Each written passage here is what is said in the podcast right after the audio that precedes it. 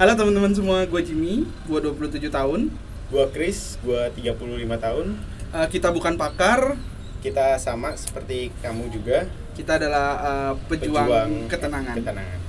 Oke, uh, teman-teman sekalian, hari ini uh, gue sama Chris akhirnya ketemu. Kita akhirnya mau ngobrolin tentang uh, anxiety disorder. Anxiety ya dan itu juga jadi alasan kenapa kita mau bikin ini. Iya, mau bikin Iya, mau podcast, bikin podcast ini, ini. gitu. Hmm. Uh, berangkatnya berangkatnya kita kenapa sampai mau ke bikin podcast ini ya Kita tahu anxiety itu nggak enak Iya. dan saat menyiksa.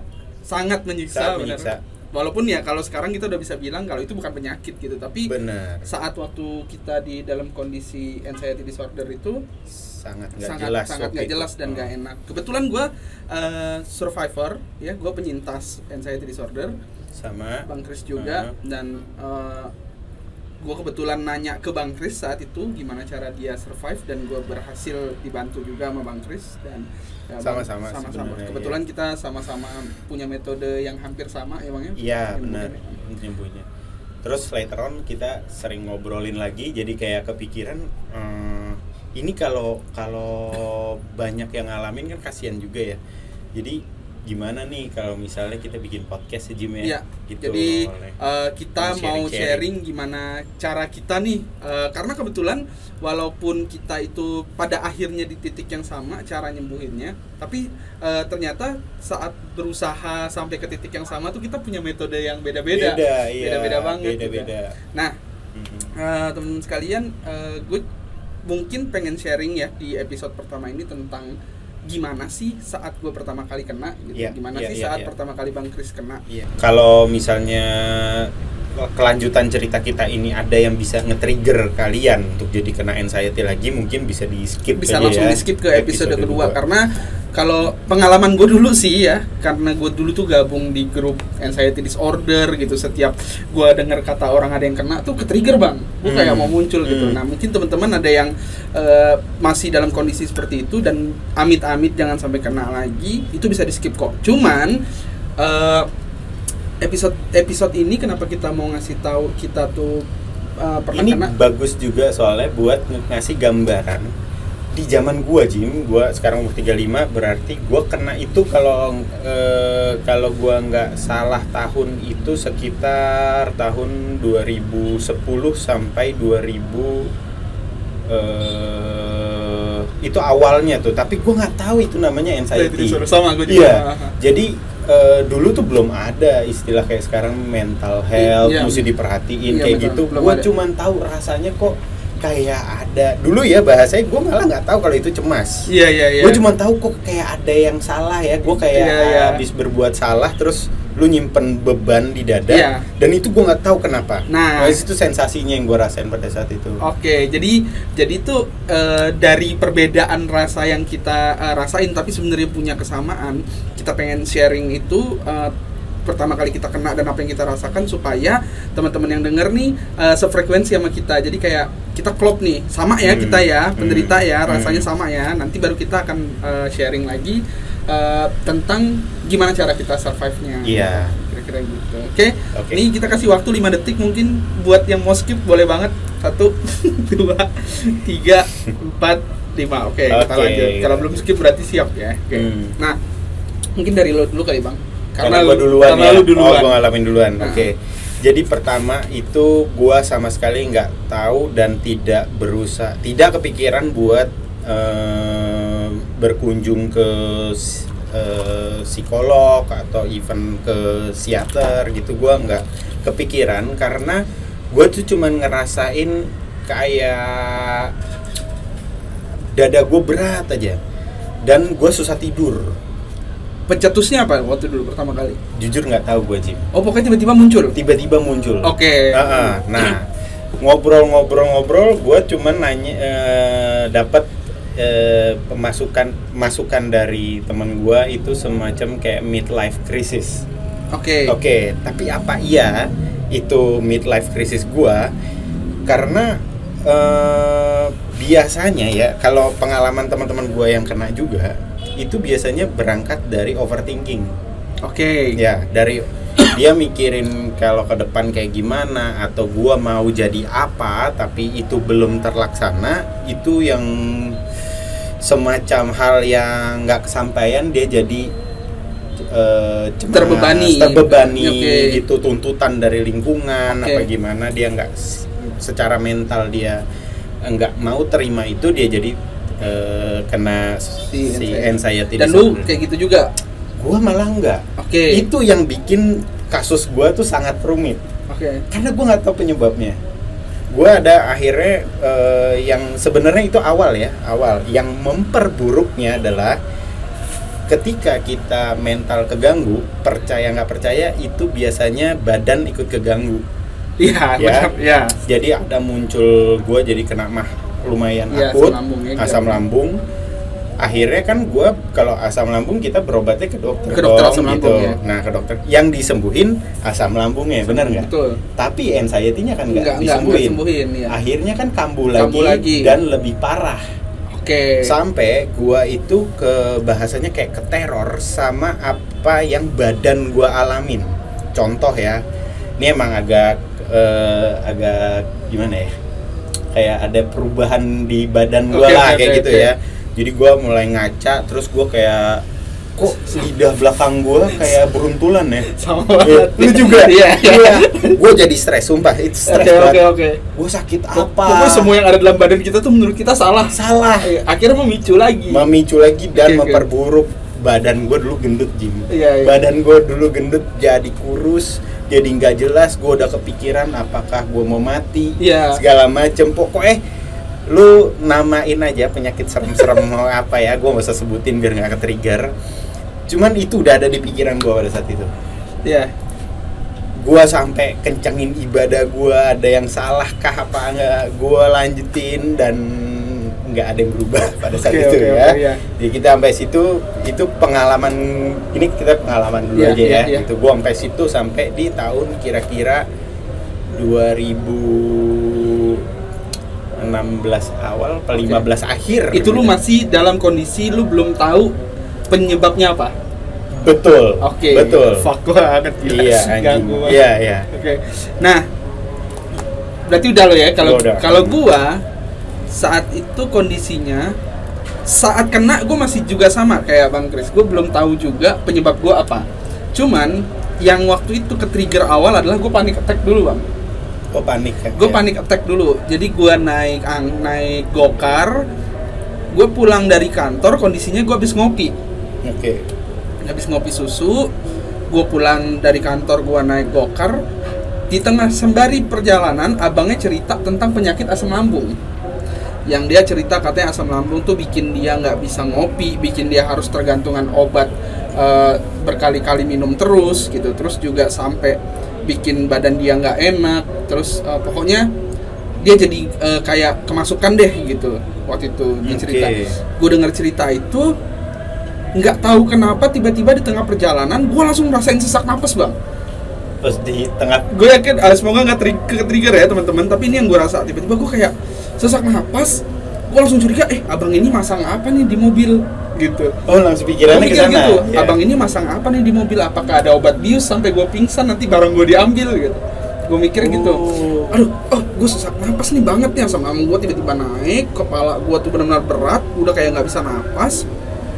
Gue suruh abangnya, bang bang bang stop dulu ke samping. Minggir dia, gue buka kaca, gue tarik napas. Langsung abangnya bilang, wah itu lambung mas, katanya. Gara-gara lambung tuh. Oke, akhirnya pikiran gue langsung bilang, ini gue sakit asam lambung gitu. Oke, itu Akhirnya- knowledge yang kita tahu knowledge yang kita itu tahu. ya. Akhirnya Iya. gue jalan lagi, jalan lagi. Tiba-tiba semuanya kedengeran jelas yang ada di dalam badan gue. Jantung tiba-tiba kayak kencang banget. Ah. Wah, gue sakit jantung nih gitu.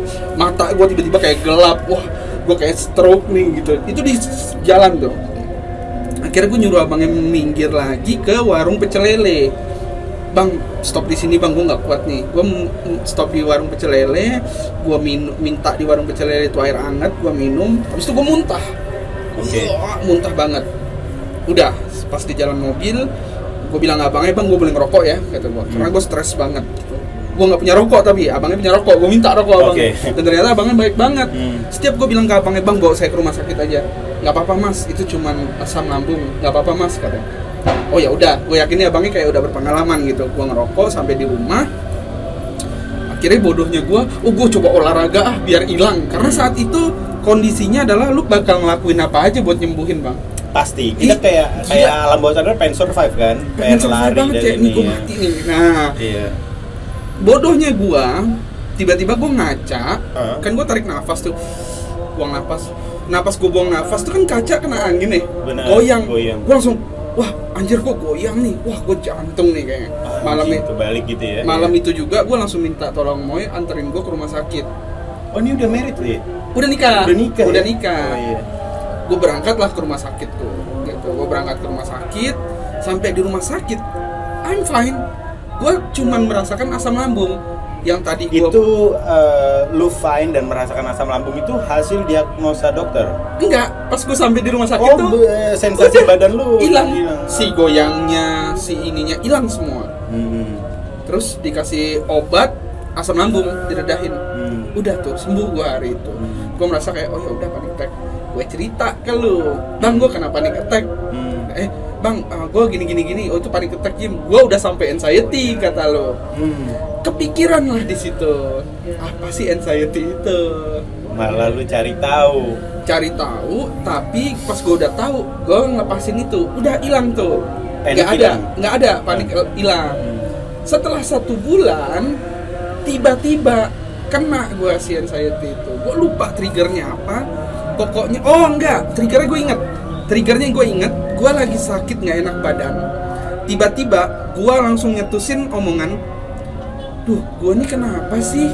Langsung tuh beng nangis stres galau. Habis dah di situ gue pertama kali kena anxiety disorder. Itu pertama kali gue kena. Mungkin uh, setelahnya ya pasti otomatis apa yang gue rasa dan apa yang lu rasa. Begitu lu udah tahu lu kena anxiety uh, lu mengalami itu apa aja yang lu rasain? Eh, pertama susah tidur. Oh iya. Nah tapi kan badan kan ngantuk ya. Iya. jadi pasti ada momen terlelapnya nih. Iya. Tapi bangunnya tuh selalu pagi dan pas bangun tidur lu deg-degan. Ya oke. Nah, kayak gitu. Nah, itu eh, yang paling gua notice itu adalah sepanjang hari gua nggak bisa bersosialisasi. Iya. Karena pas lagi ngumpul kayak jadi eh, di rumah tuh duduk ada nyokap, ada adik gua, tapi gua kayak nggak nggak nggak ada mood buat ikut dengerin atau apa. hijau aja semuanya ya pokoknya. Iya, kayak nonton pokoknya bola kayak- tuh lapangan doang iya, gitu. iya flat, Iya, tapi eh, dada lu tetap cemas. iya Cemasnya itu nggak hilang-hilang Jim. Iya. 24 hampir 24 jam lah ya karena hilangnya yang gua tahu ya cuma pas gua lagi terlelap aja. Tapi pas udah bangun tidur udah gitu lagi dan semakin gua menyendiri itu jadinya bikin menyendiri. iya Gue narik diri dari dari dari pertemanan, dari keluarga. Gue lebih banyak ngabisin waktu gue di kamar. Mau mau kerja tuh udah nggak bisa, nggak konsen lah. Eh, berarti di momen gue sendiri itu, gue malah jadi overthinking mulai Iya, muncul. Nah, iya. overthinking muncul. Gue jadi gue kenapa? Terus ini ngilanginnya kayak gimana? Segala macam. dan lu dalam kondisi lu belum tahu itu apa namanya belum tahu nah yang gue notice adalah gue sempet satu kali gue minta sama nyokap gue gue gue ngomong mah nih eh, aku rasanya ada yang nggak bener nih tapi ini apa ya gitu Eh, eh, aku pengen ke psikiater gue udah minta kayak gitu. Gue kok kepikiran ya psikiater karena itu udah ini udah gue kayak aneh. Gue mulai soalnya gue mulai mempertanyakan kenapa Apa gue gua harus hidup? Iya. Ya, itu. Oke. gue tuh semalaman sampai mikir kenapa eh, Allah kok nggak nyiptain gue sebagai bunga aja atau daun. Gue jadi itu dan itu serius gue Eh. nggak gue nggak nggak nggak lagi iseng untuk mikirin kenapa gue nggak jadi air atau apa gitu gue bener-bener nggak tahu gue tuh sebenarnya hidup untuk apa kenapa gue harus ngalamin kayak gini iya oke Iya, kenapa gue ada di lingkungan Oke, ini? dan semakin lu mempertanyakan semakin besar semakin rasanya stres, iya, semakin bingung dan plus nggak tahu jawabannya itu malah bikin lu kayak tikus di dalam, Dalam, iya. ini lingkaran Oke. Akhirnya pas gue minta sama nyokap gue untuk situ respon dari nyokap gue eh, lepas dari bener enggak responnya dia pokoknya dia responnya adalah itu cuman pikiran. Oke. gitu. Nah kalau pikiran itu cuman kamu yang bisa kelarin. Oke. masalahnya gua nggak tahu cara ngelarinnya gimana. Karena kalau gua tahu otomatis gua pasti terbebas dong Betul. dari dari Ya karena kita berangkat penyakit ini kan bukan sesuatu yang bisa ditularin ke orang. bener Ini datangnya sendiri dan kita bahkan dalam saat waktu kena ya kita nggak tahu ini nggak apa. tahu ini itu tadi pengalaman yang gua rasain Dim jadi sebenarnya sih kalau kesimpulan gua s- di saat ini gua ngelihat gua yang dulu sebenarnya ini bukan penyakit Oke oke. sebenarnya Nah, otomatis lu udah notice dong kalau itu namanya anxiety dis- disorder, terus lu udah tahu penyebabnya saat ini. Waktu itu lu Udah, udah. Apa? pikiran sih problem utamanya Apa? Ya mungkin teman-teman ada yang ngerasain juga. Kalau gua, Hmm. kalau gua dulu mungkin ya, kalau gua, gua udah tahu pencetus gua adalah saat itu gua overthinking. Hmm. Gitu. Gua overthinking, tapi apa masalahnya saat itu kondisinya gua kerja gaji pas-pasan. Overthinking itu benar gue gaji pas-pasan gue kondisi anak lahiran umur baru 7 bulan dan harus masuk rumah sakit dengan biaya yang mahal banget gue stres tinggi gue nikah ya. gue nikah orang bokap gue nggak setuju gitu kondisinya. Dan ternyata itu menumpuk semua di dalam badan gue dan gue pikirin jadi beban kerjaan gue nggak pasti akhirnya stres. Ternyata itu pemicunya. Pemicunya mungkin ya Iya. karena gue nggak tahu juga nih karena ke triggernya ternyata butuh waktu ada jarak ternyata. Dari gue Iya, iya, iya, iya, iya, bener. dari gue kondisi Iya. itu sampai gue kena anxiety itu ada jarak sebenarnya. Dia kayak semacam program virus gitu. Betul. Dia Ah, ngembang sendiri. Ngembang kayak sendiri, kanker iya. gitu lah. Hmm. ngembang sendiri akhirnya puang pecah. Gue di situ. Kalau lu bang? Ka- kurang lebih sama. Cuman gua eh, sepertinya itu eh, fak- kalau bicara faktor pasti beda-beda tiap orang ya. Oke. Cuman kalau di gua ini sepertinya gua terlalu kebanyakan memendam perasaan oke. di gua. Oke. Nah, itu ngefeknya ternyata pas gua besar, gua kena anxiety. Jadi contohnya kita kan setiap orang punya rasa tidak suka terhadap sesuatu. Gua dari kecil itu dididik untuk eh eh, nerimo. oke Nah, apa pun kondisinya apa pun itu. Nah, menerimo itu tuh udah sampai di tahap lu terima apa pun. Jadi mau lu lakuin sesuatu, lu nggak nggak bisa dengan mudah buat nyampein perasaan lu bahwa lu nggak suka atau nggak setuju Karena atau lu harus nerima terus. Gua harus nerima terus. Nah, yang gua tidak sadari itu menjadi bom waktu. Menjadi virus itu ya Ah, yang akhirnya kembang sampai pas lu udah gede, gede makanya gua kebingungan apa yang nyebabin gua muncul rasa cemas ini. Oke. kayak ya so itu bukan kayak didiagnosa sama dokter kayak Bukan. lu ini penyebab lu ini. Enggak itu kayak alam Enggak. bawah sadar aja bang ya. Kayak Iya, ngasih tahu lu ini sebabnya ini loh gitu. Itu Gara-gara- belakangan ya? iya itu belakangan. Itu belakangan, bukan bukan pas udah kalau pas pertama tahu mungkin kita udah bisa ada, ini ya kalau ya. kalau kebetulan kita tahu penyebabnya di awal kita bisa tuh eh, ngecilin si trauma itu Mm-mm. beres Mm-mm. bentar tuh masalahnya kan Bentar. kita nggak tahu tuh penyebab betul awalnya. semacam luka batin kali ya itu ya iya Oke, itu tadi eh, penjelasan dari kita, apa sharing dari kita dari mulai gua gimana kena, Bang Kris kenanya gimana, apa yang kita rasain gimana, Bang Kris rasain gimana, yang sebenarnya kayak ah, mirip lah ya. mirip mirip Sebenarnya kayak gitu Mirip, aja. iya. gitu. mungkin pengalaman kita berdua nih Sama. wakil mewakili mewakili teman-teman banyak semua orang yang iya. ada Hmm. gitu. Iyalah kalau mungkin teman-teman yang bilang lidahnya keluh, ada yang bilang rasanya berdebar, dengar berita uh, COVID tambah tinggi stresnya. Iya, sama. Iya, kalau dibilang apa yang kita rasa sama persis kok gitu. Nah, gimana cara kita bisa survive itu nanti akan kita lanjutin di episode berikutnya. Sekali lagi gue mau ngingetin, gue bukan pakar, Iya, ya. kita bukan pakar kita Kita sama seperti kalian. juga Iya. gitu kita pejuang uh, ketenangan Iya. Uh, kalian bisa punya metode sendiri untuk menyembuhkan tapi semoga apa yang kita sharing bisa bermanfaat buat teman sekalian oke Oke. see you see you